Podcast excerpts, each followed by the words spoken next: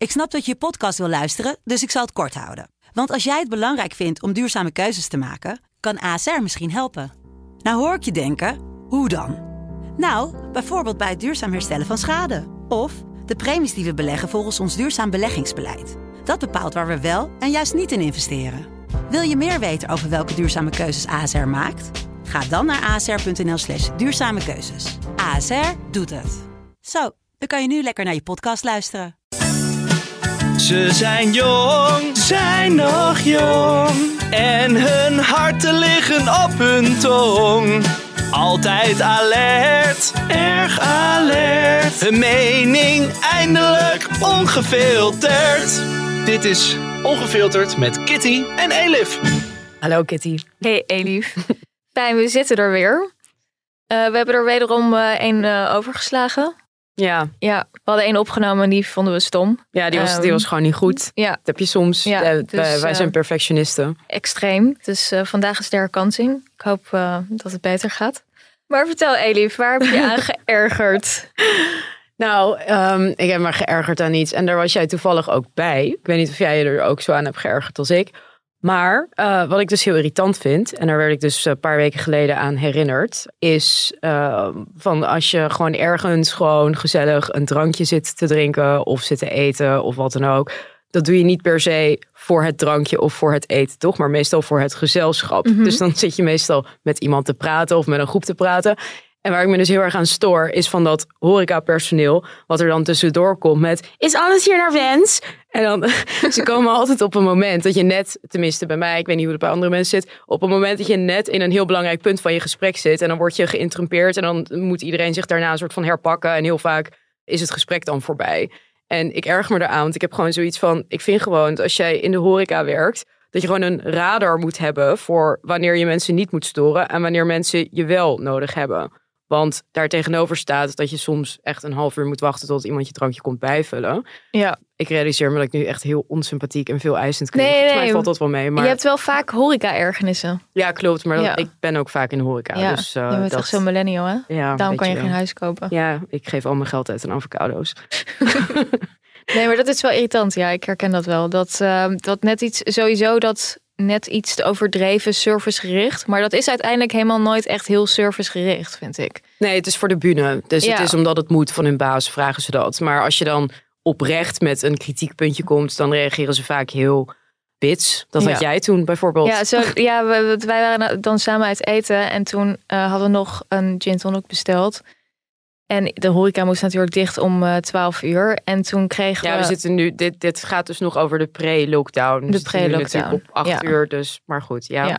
En ehm, toen wachten we heel lang op het drankje, maar hadden wel al vijf keer die avond gehoord. Is aan het? En toen moesten we echt heel lang wachten op ons drankje. Nou, dat is niet het einde van de wereld. Maar die gooiden ze dus op tafel om vijf voor twaalf. En om twaalf uur kregen we de rekening en moesten we meteen weg. Met En- zo'n, we kregen we zo'n, zo'n skeer plastic bekertje om het buiten op te Ja. drinken. Nou, ja, en toen vroeg hij dus nog van, en wat zal het naar wensen? Zei, en toen zei ik dus van, nou, ja, we krijgen echt net die drank, dus vijf voor twaalf. Toen zei hij, ja, maar dan kan je gewoon meenemen in een, in een, in een plastic, hier heb je een plastic beker, kan je het Ga maar lekker op straat in de En regen zo, opdrinken. Ja, zeg dan gewoon, het gaat heel lang duren. Je kunt beter niks meer bestellen, Ja. toch? Ja, of eh, laat mensen gewoon even hun drankje opdrinken. Ja, Heel raar. Ja. Maar goed, toen werd hij dus echt super bitchy. Kwam op neer dat je daar dan niks van mocht zeggen, volgens mij. En dan denk je, ja, vraag dan niet of het naar wens was, Precies. want het was niet naar wens. nee, inderdaad. Dankjewel. En jij, waar heb jij aan gestoord? Nou, ik heb me gestoord aan een artikel wat ik vandaag las. Nou, het was niet echt het artikel, maar de kop op onze website was... Kijkster afgeleid door Kruis SBS6-presentator Maarten Steendam. Maarten heeft hier gewerkt. Ik ken hem niet. Dat was een beetje voor mijn tijd. Mhm. Maar hij had dus getwitterd dat hij een brief had gekregen van iemand en die stuurde naar hem over dat ze afgeleid raakte. Het was niet een seksueel getinte mail, het was gewoon oprecht van doe er iets aan, want ik kan alles zien. En toen had hij dat getweet met je geslacht leidt me af, uitroepteken. Nu al mijn favo kijkersmail ever. En dit is toch wel echt een hele zielige humblebrag. Ja, ik moet dus toegeven dat ik de tweet wel heb geliked, want ik vond het best wel grappig. En ik dacht ook tegelijkertijd, ja, als ik een vent was, dan zou ik dit ook hebben, denk ik. eh, of dan zou ik dit ook. Ik weet niet of ik het zou tweeten, maar ik zou ook denken van, oh, dat is wel een compliment. Oké, maar laten we even, want daaronder tweette iemand dus de foto van wat voor broeken hij draagt. Die wil ik even met je delen. Ja. Oh ja. Eh, Dit ja. is een broek. Sowieso, dit is een broek. eh, dit is heel erg als mannen dit dragen. Ik is weet nu dat heel je jammer tegen... dat we een podcast hebben en dat Ja. mensen dit niet kunnen zien, maar ja. Ik weet dat tegenwoordig mag je op niemands uiterlijk meer kritiek hebben. Dat is een soort doodzonde. Vooral niet bij vrouwen. Als je iets zegt over haar of een jurk, dan ben je gewoon een vieze seksist. ja, en dan gelukkig is je je dit een man, dus mag het nu wel. Ja, daar gaan ook weer mensen van, oh, maar bij vrouwen mag het ook niet. Dus bij mannen mag het ook niet. Maar wij bekritiseren iedereen. Dus die broek, dat kan gewoon niet. Dat zijn van die broeken die mannen dragen, die dan gewoon twee tot drie maten denk ik te klein zijn. Waarin het dus heel strak ziet. En het ziet er gewoon zo raar uit. Dan krijgen Ja. ze allemaal van die rare spullenbeentjes en zo. Maar de tip is, doe dit gewoon niet. En ja, hou even op met die humble brag. Ja. Maar het deed me dus denken aan ehm, een aflevering van Sex in the City. En dan gaat Carrie, die gaat dan ergens bij vrienden in de Hamptons op bezoek. En dan is er ja, een dat trouwd stel. En dan komt ze op de gang. En dan staat die man daar 's ochtends alleen in zijn shirt, zonder Ja. onderbroek. En dan ziet ze alles. En dan daarna hebben ze het over met die vriendinnen. En dan is het zo, waarom doen mannen dan toch dat soort dingen? En dan zegt Samantha, maybe you just wanted to show it off, like a monkey.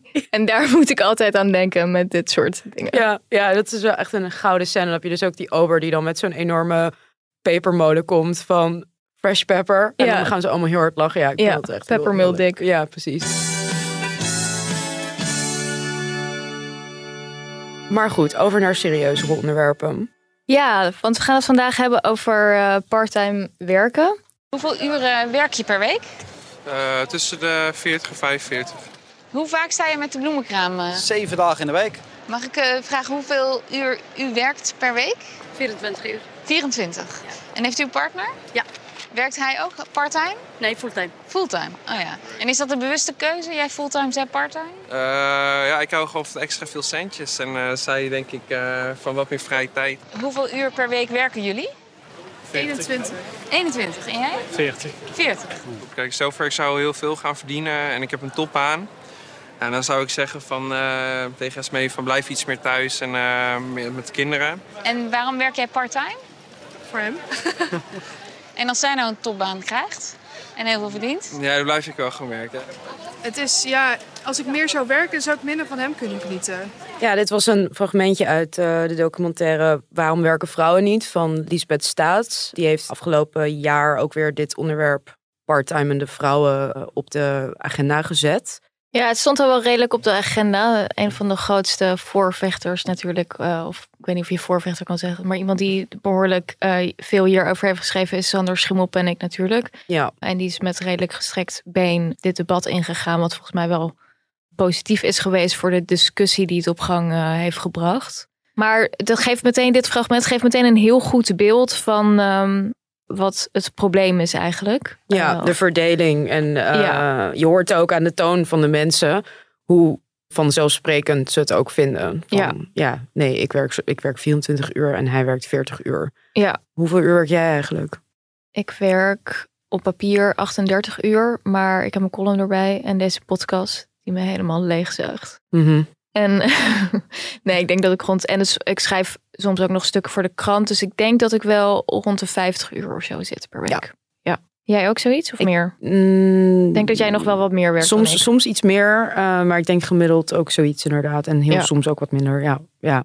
Ik vind dat op zich ehm, prima. Ik zou niet per se eh, heel veel meer willen werken. Ik eh, ambieer geen baan van eh 80 uur per week. Maar Nee. ik vind vijf dagen per week werken gewoon prima. ja, ik ook. Maar heel veel mensen vinden dat niet prima. Want driekwart van de Nederlandse vrouwen, dit zijn de cijfers die Lisbeth eh, aanhaalde in een interview. Ze is net ze is bezig met een boek, of er komt een boek uit. Ja, die is net uit. Oh ja, nou ik ben er heel benieuwd naar. Eh driekwart van de Nederlandse vrouwen tussen de 20 en 65 werkt part-time. Dus dat is driekwart, 75 procent. Dat is echt best wel veel. Ja. Rond de 40 procent van de vrouwen in die groep zijn financieel afhankelijk van hun partner en hebben te weinig of geen inkomen van zichzelf als de relatie strandt.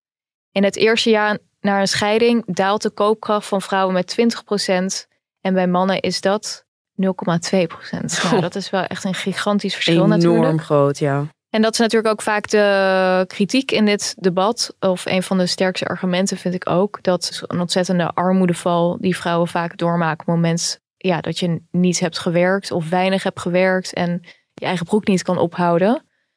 Iedereen denkt natuurlijk altijd van dat overkomt mij niet. Als je een relatie aangaat en je neemt kinderen. Ja. Ehm, dan denk je natuurlijk altijd van, oh ja, bij mij gebeurt dat niet. Of, eh, maar het, de kans is natuurlijk wel gewoon.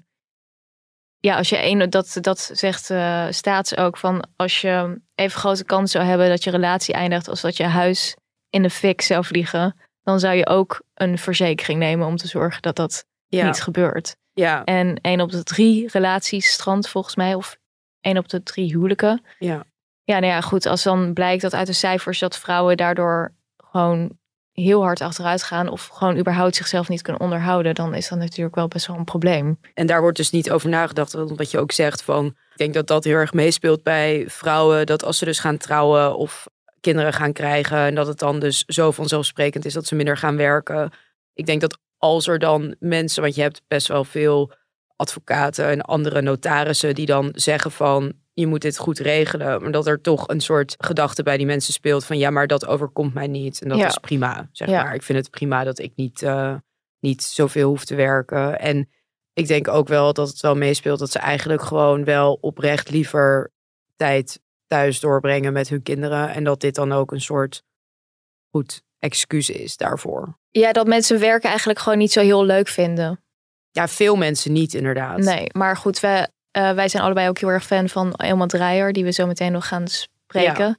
En een van haar argumenten is, ja, bij het grote mensenbestaan waar vrouwen voor hebben getekend op het moment dat ze feministische strijd en zo hebben gevonden, daar horen nu eenmaal ook plichten bij. En werk is nou eenmaal niet altijd leuk. Voor mannen ook niet. Maar je Nee, ja, het je- hele leven is nou eenmaal heel vaak niet leuk, inderdaad. En dat wordt wel vaak vergeten volgens mij door heel veel mensen. Ja, maar zeker dan. Ik heb dan de keuze om gewoon lekker thuis te zitten. Maar goed, het is dan maar de vraag of het op de lange termijn leuk is als je relatie eindigt en ehm, je hebt vervolgens geen geld en je kunt jezelf niet onderhouden of je hebt niks eh, qua ontwikkeling, qua werk en zo gedaan, waardoor je een totale lege cv hebt en heel moeilijk aan de bak komt. Ja.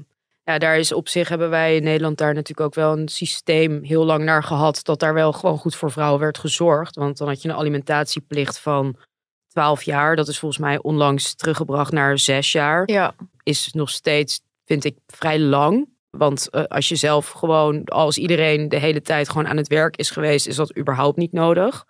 Eh, de alimentatieplicht naar de partner, dus niet naar de kinderen, maar dat gaat dan puur om de alimentatie voor in de praktijk bijna altijd de vrouw en niet de man. Dus dat soort wetgeving houdt ook dit natuurlijk wel in stand. Want het, geeft, het zorgt er ook voor dat het niet nodig is voor mensen om er, dat het zeg maar niet, je bestaan hangt er niet van af, zeg maar. ja.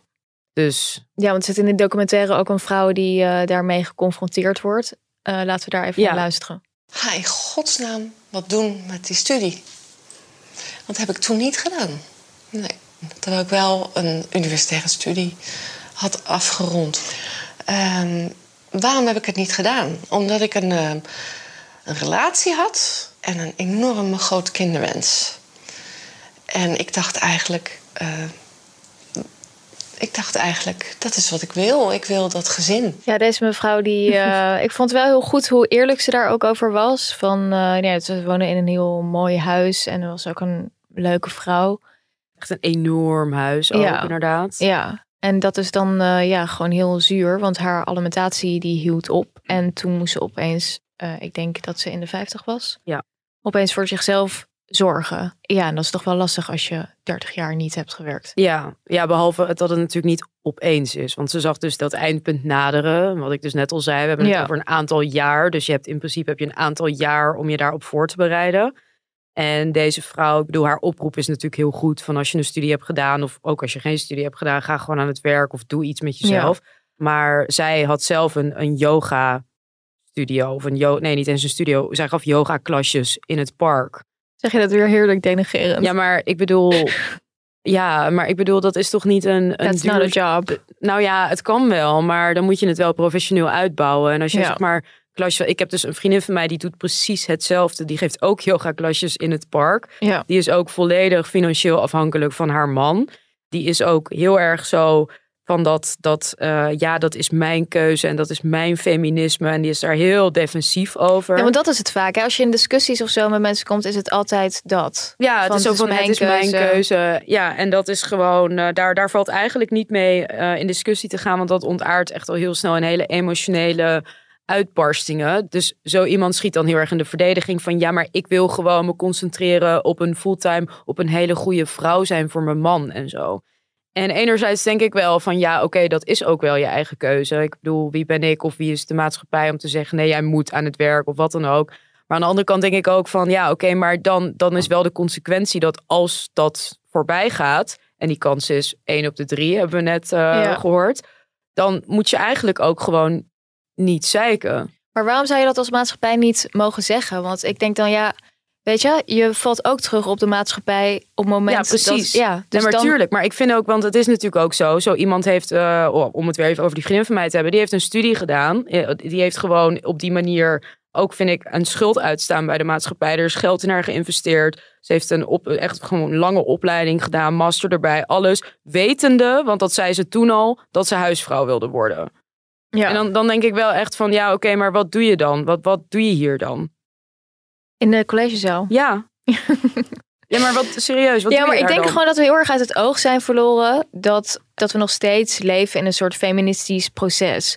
Dus wij zijn zo opgegroeid met dat het zo vanzelfsprekend is om dat soort vrijheden te hebben, dat we inderdaad denken van het is de normaalste zaak van de wereld dat dat allemaal voor je betaald wordt. En waarom zou ik daar ooit iets terug voor hoeven doen? Want ik ben het grootste centrum van mijn hele leven en Ja, het is de normaalste zaak van de wereld dat de maatschappij dit voor mij ophoest en dat ik nooit een cent belasting ga betalen. tienduizenden euro's in jou investeert eh, voor helemaal niks. Ja. En jou opleidt tot iemand die weer louter profiteert van de samenleving. ja, maar dan zouden zij natuurlijk zeggen, maar ik word goede moeders. Maar het is niet alsof in het buitenland je geen goede moeders hebt. Nee. Kijk, het is niet zo'n probleem. Zulke mensen heb je natuurlijk altijd. Je hebt altijd mensen die niet willen werken. En je kunt je ook afvragen, mensen die langdurig in een bijstand of wat dan ook. Die moet je ook helemaal niet een soort pistool op hun hoofd zetten. Als mensen gewoon echt niet willen, dan Nee, niet. precies, maar- maar... het ding is dat het op zo'n grote schaal gebeurt... dat het gewoon niet meer op te brengen is voor de maatschappij op een gegeven moment. Nou ja, dat er enorme tekorten zijn in de zorg en in het onderwijs. Dat heel veel vrouwen Ja. parttime werken. Nee, maar ik bedoel, als je, ja, precies, kijk, er zijn altijd mensen, en dan hebben we het denk ik maximaal over 10% van de, van de mensen die inderdaad niet willen, niet kunnen, whatever. Dat is, dat is allemaal prima. Maar als jij een cultuur in stand houdt waarbij 50% van je, van je bevolking eigenlijk wordt gestimuleerd om, om parttime te werken of om niet te werken, Ja. dan heb je daar uiteindelijk, krijg je daar een probleem mee. Of wordt dat een probleem? Of Ja. is dat een probleem? Vooral als je gewoon heel veel vrouwen hebt die dat eigenlijk niet willen, maar die dan cultureel toch een beetje met de nek worden aangekeken als ze dat niet doen, zeg maar. Ja, dat vond ik heel interessant ook aan eh, Lisbeth. Dat zij, nou, ze stelt de vraag: waarom werken vrouwen niet? Dat is de vraag die Lisbeth Staats eh,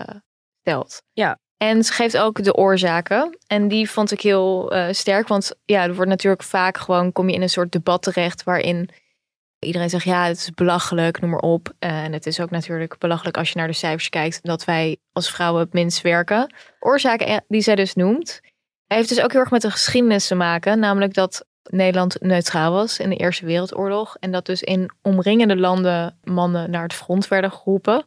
Waardoor heel veel vrouwen dus gedwongen werden om te werken of om die posities op te vullen. En toen kwamen die mannen terug en toen wilden die vrouwen, die pikten het eigenlijk niet om terug te gaan Mhm. eh, naar het aanrecht. Dat heeft een soort nieuwe cultuur teweeggebracht. Kijk je Downton Abbey toevallig? Oh, dat is zo'n, ehm, ja goed, dat is een soort soap-serie en die speelt zich af in de jaren twintig. En daar zie je dat dus ook heel erg in, dat dan de Eerste Wereldoorlog breekt uit. En dat is echt een soort hele culturele omschakeling. Omdat inderdaad die vrouwen gaan opeens eh, Ja. eh, verpleegsters worden ze, gaan eh, ziekenhuizen runnen, noem maar op. En dan, ja, heel veel mannen sterven natuurlijk. En dan ja, hebben vrouwen eigenlijk hun positie opgeëist. Wat? De mannen moeten dood voordat de vrouwen eindelijk een keer een positie opeisen. ze zegt toch altijd, mannen nemen te veel ruimte in. Dit is dan de letterlijke versie daarvan. Ja. Mannen hebben letterlijk ruimte gemaakt. Eh, dus eigenlijk komt het doordat wij gewoon in een heel verwend land leven. Nou, wat zij dus ook aanhaalt, is ehm, dat wij nooit echt een grote economische crisis hebben gehad. eh, die zo lang duurde dat echt, echt iedereen noodgedwongen aan het werk eh, moest. En dat is natuurlijk ook iets wat Sander Schimmelpenninck vaak aanhaalt in de stukken die hij hierover heeft geschreven. Dat het een heel groot luxe probleem eigenlijk is. Dat we de luxe hebben om op die manier dingen in te richten. En dat zie je ook eigenlijk bijvoorbeeld bij juist mensen die, uh, die rijk zijn of die het heel goed hebben. Dat het een soort trophy ding is om ja. Zeg maar, mijn vrouw hoeft niet te werken Ja, en ja. zo. Terwijl aan de onderkant moeten vrouwen vaak wel gewoon Ja. werken natuurlijk. Ja, maar er zit ook een groot verschil in het percentage hoogopgeleide vrouwen wat parttime of niet werkt en laagopgeleide vrouwen. Onder laagopgeleide vrouwen is het dus, ik mag geen laagopgeleid zeggen, sorry, praktisch opgeleid. Ja. Dat percentage daar veel lager is. En dat komt inderdaad ook uit als je zeg maar echt zo'n corporale ballenomgeving hebt. Waar je dus allemaal van die haantjes hebt die dan zeggen, "Oh, mijn vrouw hoeft niet te werken. En daar inderdaad heel trots op zijn. Ja, dat is, dat is, dat, ik herken dat ook heel erg uit gewoon van die corporate settings. Dat is gewoon, Ja, dat mannen daar dan heel goed op gaan. ja, ja, dat is toch een beetje Ja, het is een eh, statussymbool. ja, hun mannelijkheid, eh, ja, hoe zeg je dat? Ja. Ver, verstevigen of zo. Ja, showing off like a monkey. Ja, die, die pepermolen laten zien. maar het is natuurlijk niet alleen zo dat dit eh, vanuit mannen komt. Het is ook heel erg vanuit vrouwen onderling. Eh, ja, het is door- gewoon een sociale druk eigenlijk. Dat is ook wat heel veel vrouwen zeggen te, te ervaren van op een schoolplein. Ja. Dat je toch een beetje, omdat het zo de cultuur is, dat Ja. je met een nek wordt aangekeken op het moment dat je niet kan luizen moederen. Of Ja.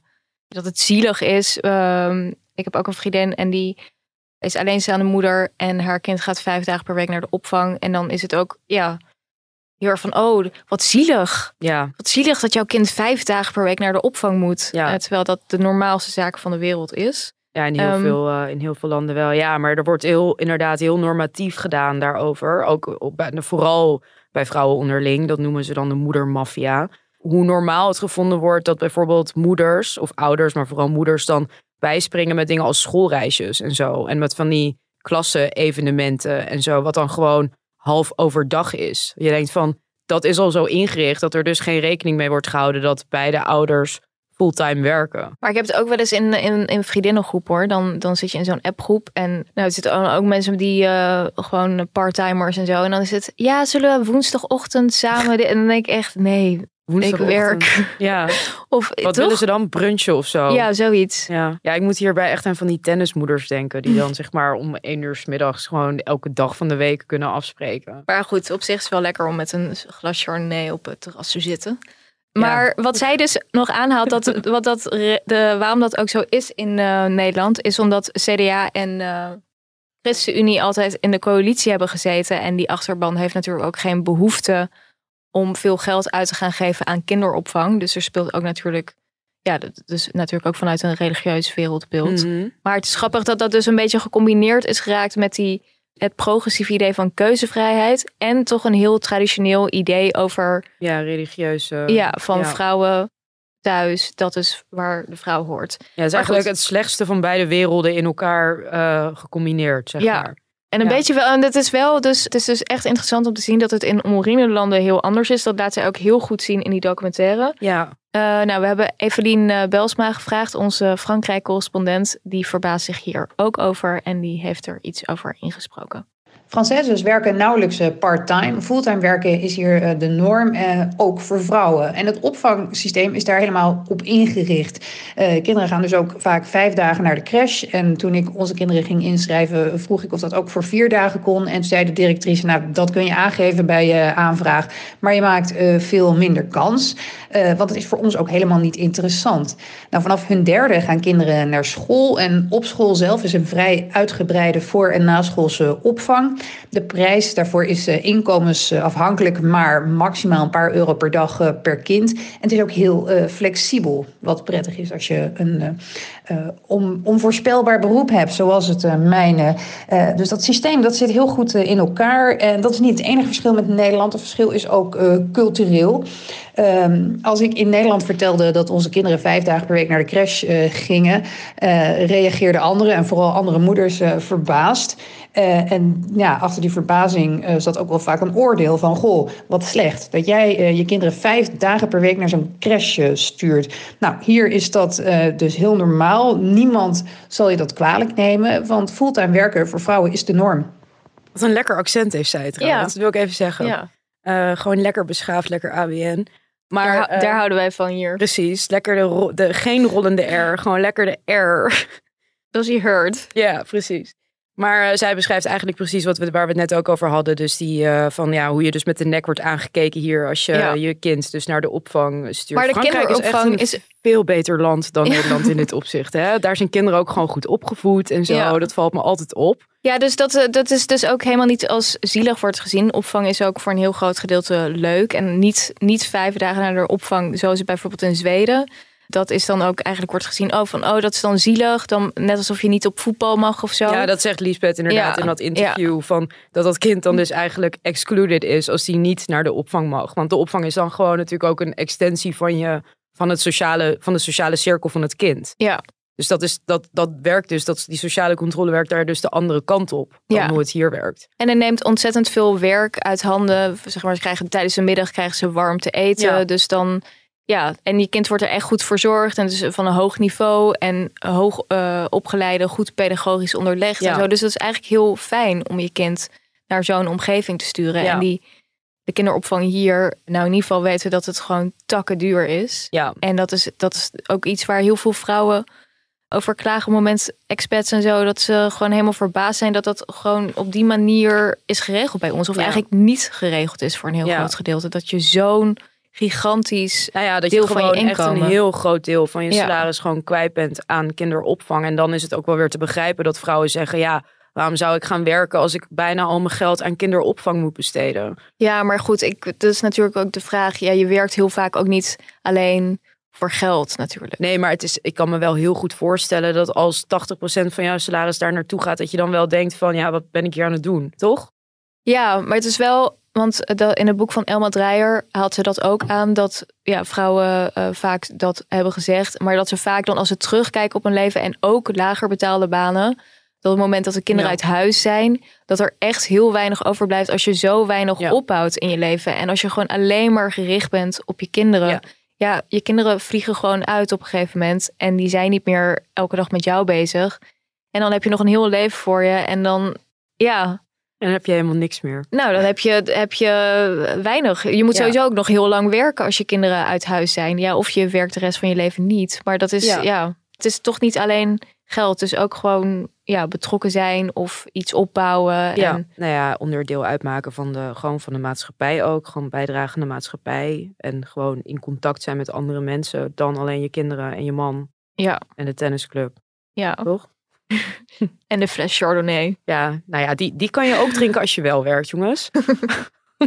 Maar even serieuze zaken. We gaan het eh, met Elma Dreyer, waar wij allebei heel groot fan van zijn, het hebben over haar boek Verwende Prinsesjes, wat ze meer dan tien jaar geleden eh, schreef. Nog voordat de laatste discussie op gang kwam. Dus zij was eigenlijk echt eh, de OG van dit debat. Laten we haar even gaan bellen. Dit is de receptie van Ongefilterd met Kitty en Elif. Ik verbind u door. Hi Elma, je spreekt met Elif en Kitty. Hallo, hi. Hallo, welkom in onze podcast. Nou, jij hebt natuurlijk tien jaar of meer dan tien jaar geleden, het boek eh, Verwende Prinsesjes geschreven. En nou ja, Kitty en ik zijn allebei groot fan van het boek. Ehm, was dat het eerste boek over eh, de parttime cultuur in Nederland in relatie tot vrouwen? Nou, er was toen de tijd ook dat boek van, die, ehm, toen werkte zij nog bij Elsevier, eh Marieke Stillinga. Oh ja. En die had het ook wel. Die had ook een boek, ik ben de titel even vergeten, maar die besteedde er ook veel aandacht aan. En zij had een diametraal andere positie dan ik, want zij, vond, zij is een erge aanhanger van eh, het begrip keuzevrijheid. Dat zal ze nog steeds wel zijn. Ik praat in de tegenwoordige tijd. En zij vond dus dat vrouwen dat vooral lekker zelf moesten weten allemaal. Dus wij hebben ook wel tegenover elkaar gezeten. Bij, bij, toen bij Paul Witteman, dat stond toen nog. En dan bleek dat ook wel uit. Dat we, echt, eh, we vinden elkaar heel aardig volgens mij, maar eh, we dachten er heel anders over. Eh, zij was voor keuzevrijheid. Ben, jij dan niet voor die keuzevrijheid? Nee, helemaal nee. Ik vind dat een zwaar overschat begrip. En daar besteed ik ook in dat boek veel aandacht aan.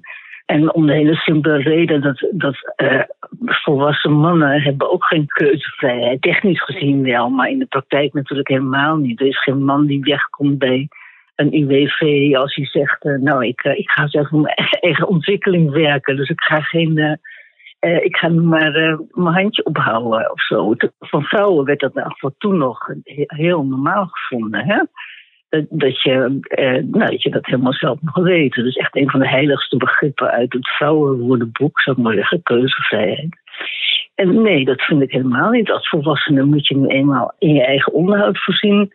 En zoveel mogelijk, tenzij je ziek, eh, zwak of misselijk bent natuurlijk. Maar als je gewoon recht van lijf en leden bent, dan moet je in je eigen onderhoud voorzien. Dat is misschien niet leuk, maar dat is het grote mensenbestaan. Ja, want dat is ook een beetje wat, uh, wat in uh, jouw boek natuurlijk naar voren komt. Dat, dat de rechten die zijn verworven, die komen ook met uh, plichten. Ja, het P-woord, ja. En waarom is dat dan zo uh, lastig? Of gaat het ja, in, in het Nederlandse feminisme over het algemeen gaat het toch weer altijd over die keuzevrijheid? Wat is de reden daarvan?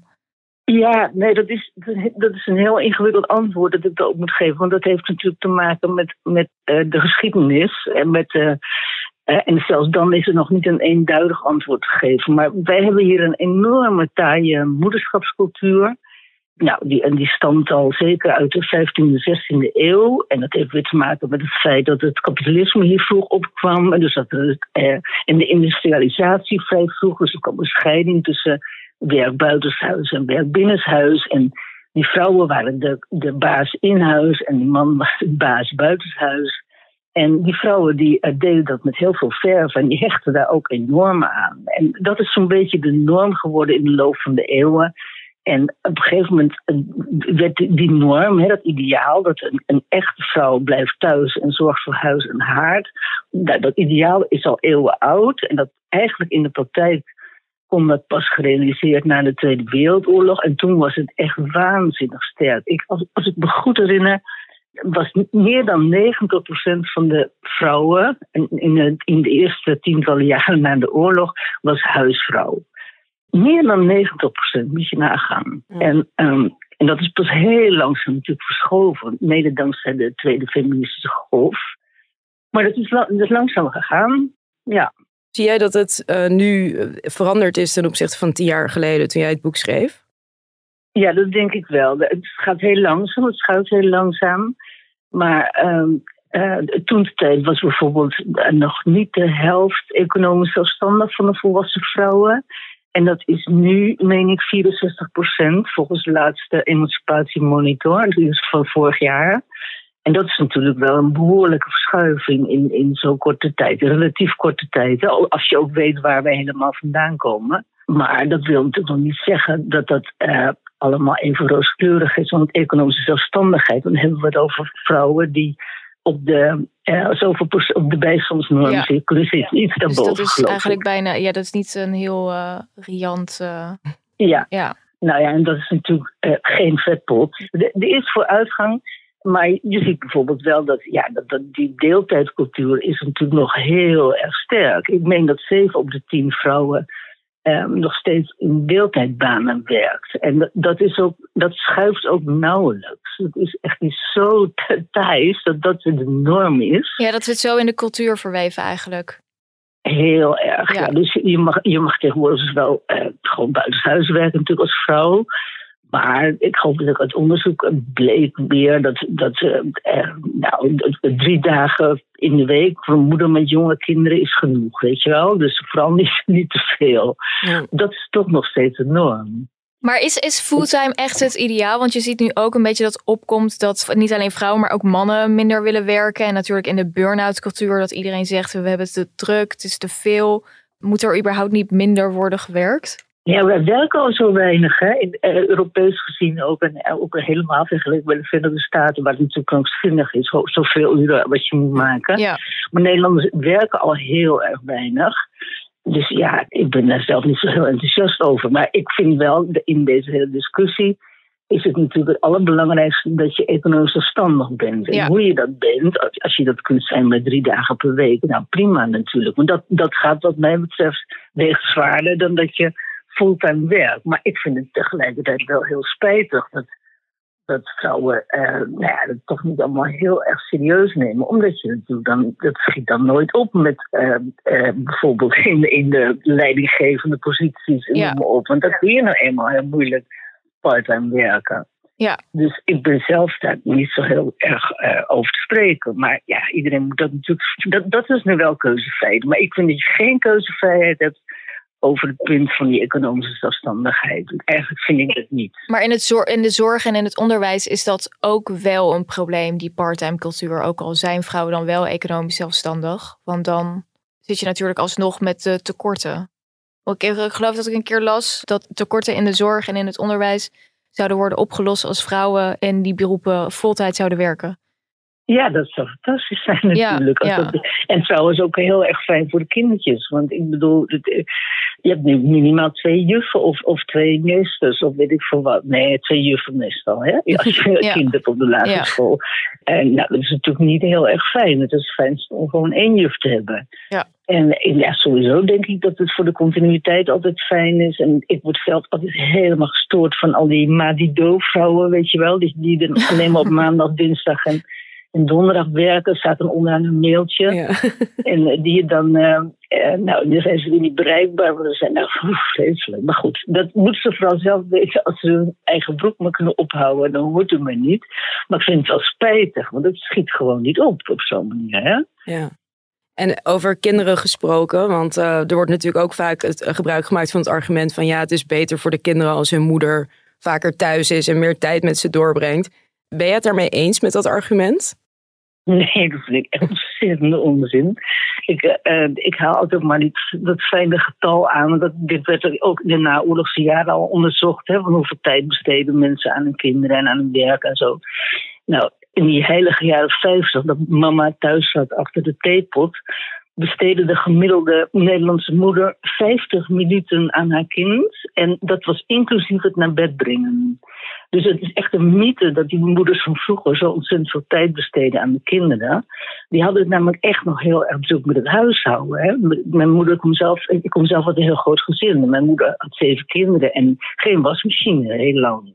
Dat komt pas in de jaren 60. Ja, dan ben je ook wel aan het Dus het- werk. Dan heb je het echt heel Ja. erg druk. En dan heb je dus echt. Ze hadden helemaal geen tijd voor die kinderen. Ik kan me alle keren dat mijn moeder speciaal tijd besteedde aan mij, kan ik me herinneren. Kun je nagaan hoe weinig dat was.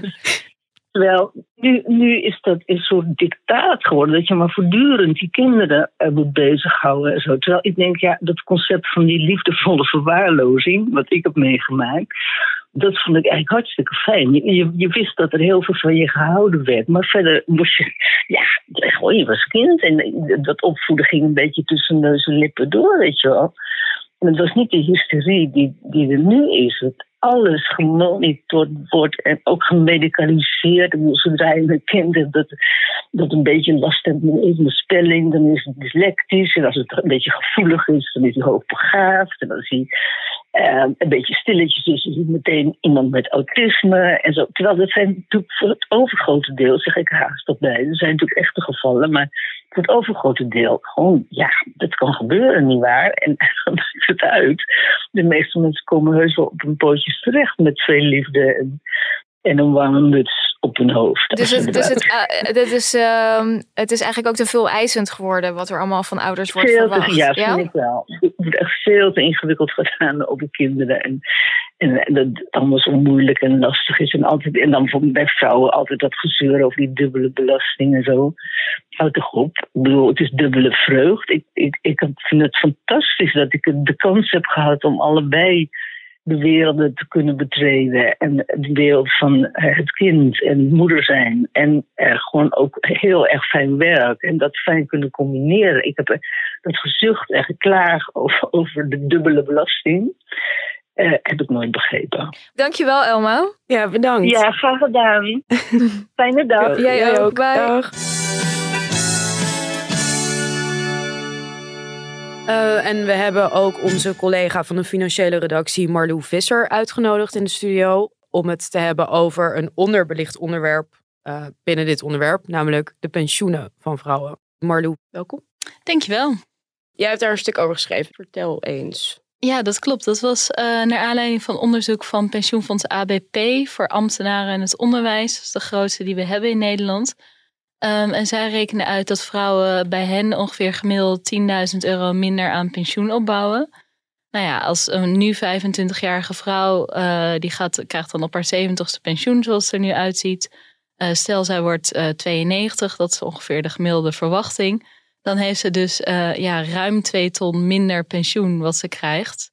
over haar leven. En dat komt doordat ja, vrouwen veel vaker parttime werken. En omdat ze veel vaker parttime werken, dus ook nog vaak banen hebben waar minder salaris bij hoort. En hoe ziet dat er in de praktijk dan uit? Dan als je 70 wordt, krijg je dan minder geld per maand? Of ja, dat is, uh, dat is wel hoe het werkt. Um, nou hebben we in Nederland wel een pensioenregeling voor uh, mensen die trouwen of geregistreerd partner zijn. Tijdens je relatie dan heb je de recht op de helft van elkaars pensioen. Dus dan wordt dat een beetje uitge... Ja, dan wordt dat verdeeld, zeg maar. Maar steeds meer stellen, uh, nou, die zijn niet getrouwd. die, hebben, die wonen alleen maar samen. Nou, dan heb je dat alweer niet. Of als je dus ja, op een gegeven moment wel uit elkaar gaat ja, dan heb je ook geen recht meer op dat pensioen van je partner. En dat, dat betekent gewoon dat je als oudere ja, echt een veel lager inkomen gaat hebben. Marlou, heb jij enig idee hoeveel, zeg maar, stel je bent 34 en je hebt altijd al bij een werkgever gewerkt die wel eh, aangesloten is bij een pensioenfonds. Ja. Hoeveel pensioen heb je dan al opgebouwd? Oeh, ik ben zelf uh, net 35. Ik kijk er wel eens naar. Um, ik geloof dat ik inmiddels zelf op iets van, van 1200 euro per jaar zat de laatste keer dat ik keek. Dus dat je 100, uh, 100 euro bruto uh, bij je AOW'tje krijgt. Oh. Daar word je ook niet enorm gelukkig van. Maar uh, nou ja, ja, je moet nog wel even. We dus moeten nog wel even, dus er komt nog wel wat bij. Ja, gemiddeld um, bouwen vrouwen, zijn cijfers over 2018, de meest recente die ik vond, uh, gemiddeld 20.000 euro pensioen op per jaar dan, bruto. En mannen 34.000. Oké. Okay. Daar zit best wel een flink verschil uh, bij. En dan heb je dan nog iets van 1000 euro AW. Dat zijn de cijfers van nu dan. Ja. Uh, wat er dan bij komt. Maar is onder millennials misschien wel sowieso een soort cynische kijk op of er überhaupt zometeen nog oh, pensioenfondsen zijn? Ja. Of uh, kan je niet beter je geld in crypto investeren? Zeker en volledig terecht ook. Als je alle, uh, we hebben hier net een pensioenspreekuur gehad bij de Telegraaf, dat allemaal ouderen vragen konden stellen. En nou ja, ze zijn vrijwel allemaal woedend dat de pensioenen niet omhoog gaan. Uh, en het argument, maar dan weten we zeker dat er voor de volgende generatie nog genoeg in de pot zit. nou ja, dat, dat is, daar, daar hebben ze echt helemaal geen boodschap aan. Dus als nou, je naar toch, de Henk toch. Fijn, toch Ja. fijn, die solidariteit. Ja, ja. Dus ik, dat, dat je als dertiger uh, naar die oudere generatie kijkt van, van mondige babyboomers en denkt er is straks geen cent meer over. Dat snap ik wel. Ja. Ja. Maar verder geen enkel probleem dat wij onszelf elke keer laten opsluiten voor deze mensen hoor. Verder helemaal, helemaal prima.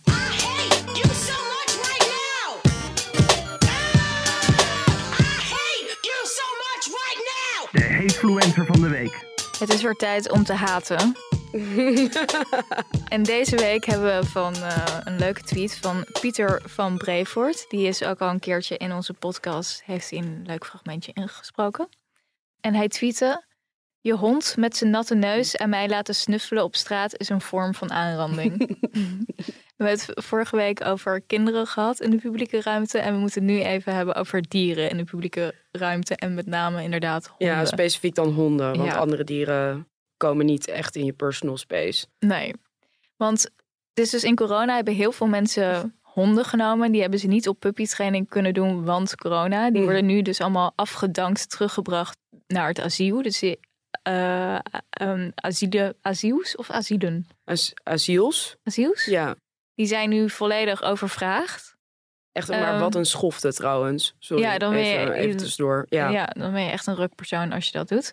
Maar volgens mij, ja, dus er lopen heel veel dieren rond die onopgevoed zijn. Of honden. En sowieso honden, als je ergens loopt, en dit is dus wel eens in een park of zo, dan komt er zo'n hond naar je toe en die gaat tegen je opspringen. En er Ja. is dan nooit, echt bijna nooit, bieden mensen hun excuses daarvoor aan. Nee. Terwijl je hele broek dan onder de modder zit. Of mensen van... En dan denk ik echt, hou die gore hond van je lekker bij je. ja, dit is, dit is wel echt... Echt voed dat beest heel- op. En ja. anders moet je hem aangeleid houden. Ik wil niet dat beest op me. Niemand wil dat. Nee, nee, het is echt heel goor. Het is Ja. echt- en vooral inderdaad wat, wat Pieter tweette van die, die natte neus die je dan voelt. Dat is gewoon, dat is echt heel nasty. Ja, en ik heb, ik heb helemaal geen hekel aan honden. Ik vind het best wel leuke dieren. Ik Ja, ben ik meer, ook. meer een kattenpersoon, maar Ja, ik ook. ik vond maar- honden ook leuk. Maar ze moeten gewoon opgevoed zijn. Ja, ze moeten niet op. zeg maar op je gaan springen of rijden of, Ja. of andere dingen. Het is inderdaad Ja. gewoon. Ze hebben geen gevoel van personal space. En dat is ook logisch. Maar dan moeten die mensen inderdaad die beesten gewoon beter opvoeden. Of gewoon aan een lijn houden. Aan een lijn houden is gewoon de oplossing. Ja, Dan is er gewoon geen probleem. precies. Maar ik heb trouwens niet wat jij zegt dat mensen dan geen sorry zeggen. Dat is niet mijn ervaring. Bij mij Nee? zeggen wel altijd sorry. Maar misschien is dat een Amsterdams dingetje dat mensen dan geen sorry zeggen. Ja, of Want misschien in, bij ons in de al- provincie doen ze dat wel. nee, dan trekken ze die hond weg en dan zeggen ze, ja, eh, Bram, niet doen of zo. En dan, net als dat ze tegen hun kind, zo praten mensen ook tegen kinderen. Maar dat doen ze dan ook met honden. En dan denk ik altijd van, oké, jij kan er ook niks aan doen wat die hond doet. Jawel, daar kan je dus wel. Nee, niet van tevoren. Nou jawel. het is want- een hond, het is een dier. Ja, maar je, er zijn honden die niet dit doen. En dat komt omdat ze opgevoed zijn, omdat ze naar training zijn gegaan. Is het echt zo makkelijk Ja, om een hond kunt in een bedwang hond te houden? Dit volledig afleren. Ik heb geen hond, dus ik weet het niet. Maar Ja, het is, het, is niet, het is niet normaal gedrag dit. Het is gewoon net zoals... Ik weet niet, kinderen moet je toch ook eh, afleren... dat ze Ja. gewoon niet hun eh, broek naar beneden doen... en op straat plassen of zo. Ja, of gillend door restaurants heen lopen. Ja, maar ja, dat dat kun je vinden we ook- allemaal maar normaal hier. Ja. Ja, dat kun je ook afleren. Nou, dat, dat heb je ook met honden. Gewoon af en toe een pak slagen even. Nee hoor. Op die noot zullen we ermee stoppen. Dit was hem weer. Ja. Dank jullie wel voor het luisteren. En laat vooral ook nog een, eh, een review achter. maar alleen als die positief is. Alleen als hij positief is.